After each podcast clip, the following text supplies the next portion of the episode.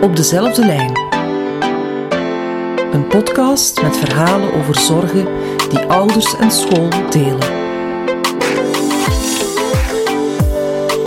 GoGo promoot de verbindende communicatie tussen ouders, school en kind. Om verbindend te kunnen samenwerken is het belangrijk om je in te leven in de ander. Dit is de eerste stap om elkaar beter te begrijpen. Luister naar deze podcast, leef je in en verruim je blik.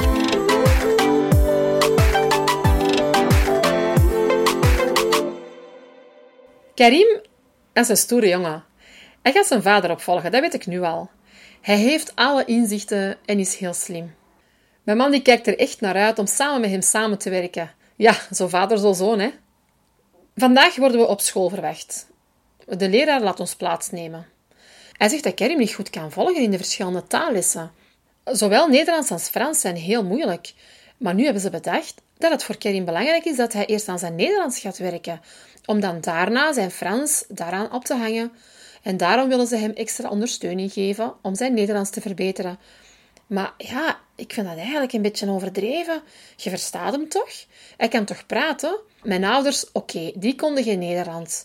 Maar ik, wij, ja, eigenlijk ons hele gezin is Nederlandstalig. Oké, hij schrijft wel eens een foutje en hij vergist zich af en toe eens, als, zeker als hij werkwoorden vervoegt. Maar dat is eigenlijk toch geen reden om extra ondersteuning te geven. Maar weet wat ik het ergste van al vind? Dat is eigenlijk het voorstel om Karim tijdens de lessen Frans gerust te laten. Ja, maar ze willen eigenlijk hem laten meevolgen, maar hem aangepaste, eenvoudige oefeningetjes Frans geven. Ik vind dat eigenlijk als mama onverantwoord. Hoe zal Karim er zich nu bij voelen? Hè? Straks leggen ze hem allemaal uit in de klas.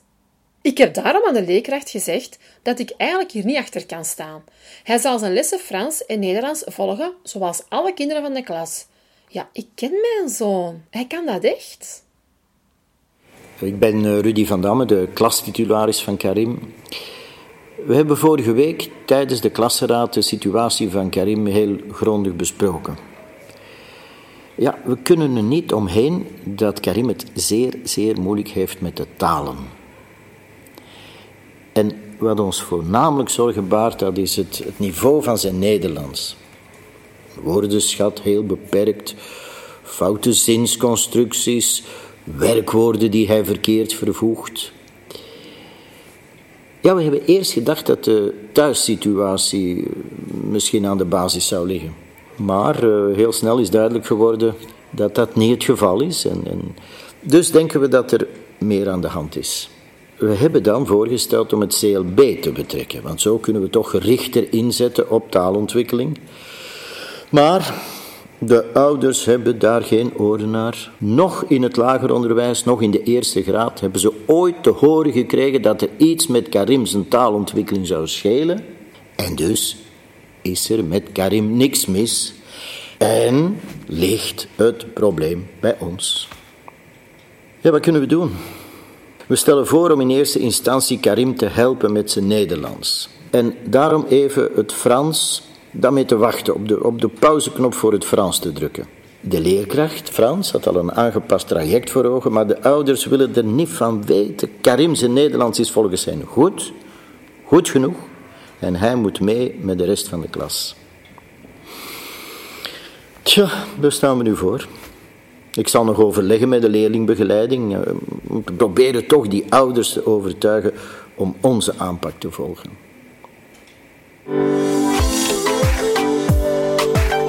Dit was een podcast van COGO, koepel van ouderverenigingen van het officieel gesubsidieerd onderwijs. Luister ook naar mijn verhaal op kogo.be.